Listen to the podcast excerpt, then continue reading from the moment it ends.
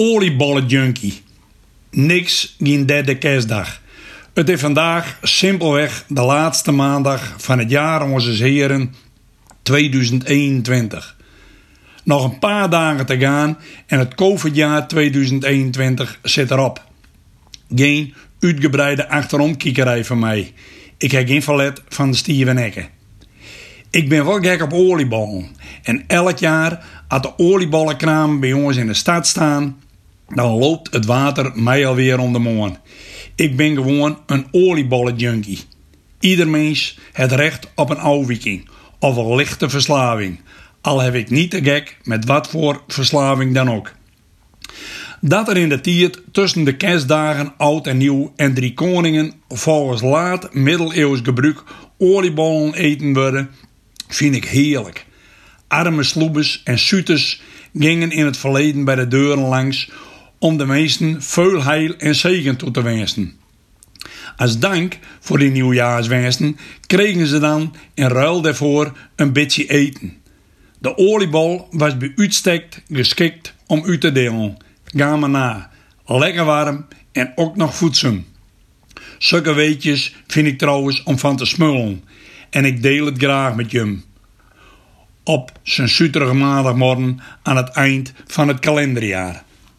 Oliebol hoort bij ons nationaal cultureel erfgoed.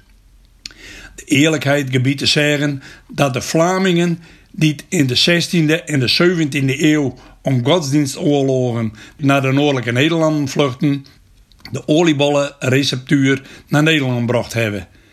Ze hadden het trouwens niet over oliebollen, maar over smoutenbollen.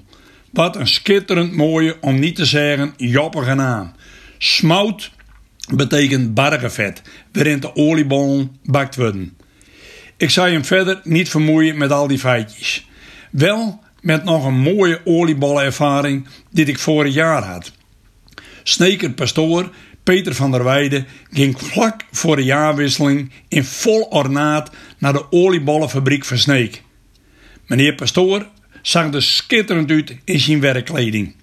Daar op het industrieterrein van Sneek besprenkelde de eerwaarde met een mooie wijwaterkwast meer dan duizend oliebollen. Ik doe maar een paar druppels naast de oliebollen hoor, zei de oud-bolzeter van der Weide. Als rechtaarde protestant had ik vooral zijn bedenkingen.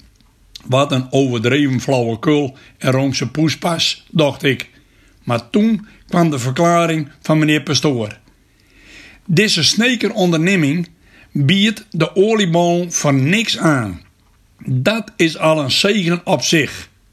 Na een kort gebedje dat overstemd werd door het geluid van de producerende oliebollenmachines, vertrok de pastoor naar de verzorgingstehuizen in Sneek, Heeg en Blauwhuis met puden vol oliebollen. Kijk, dat is nog eens ergens binnenkomen. Ik wens je hem een soort gezegende oliebollen toe met niet te min fine poeiersuiker.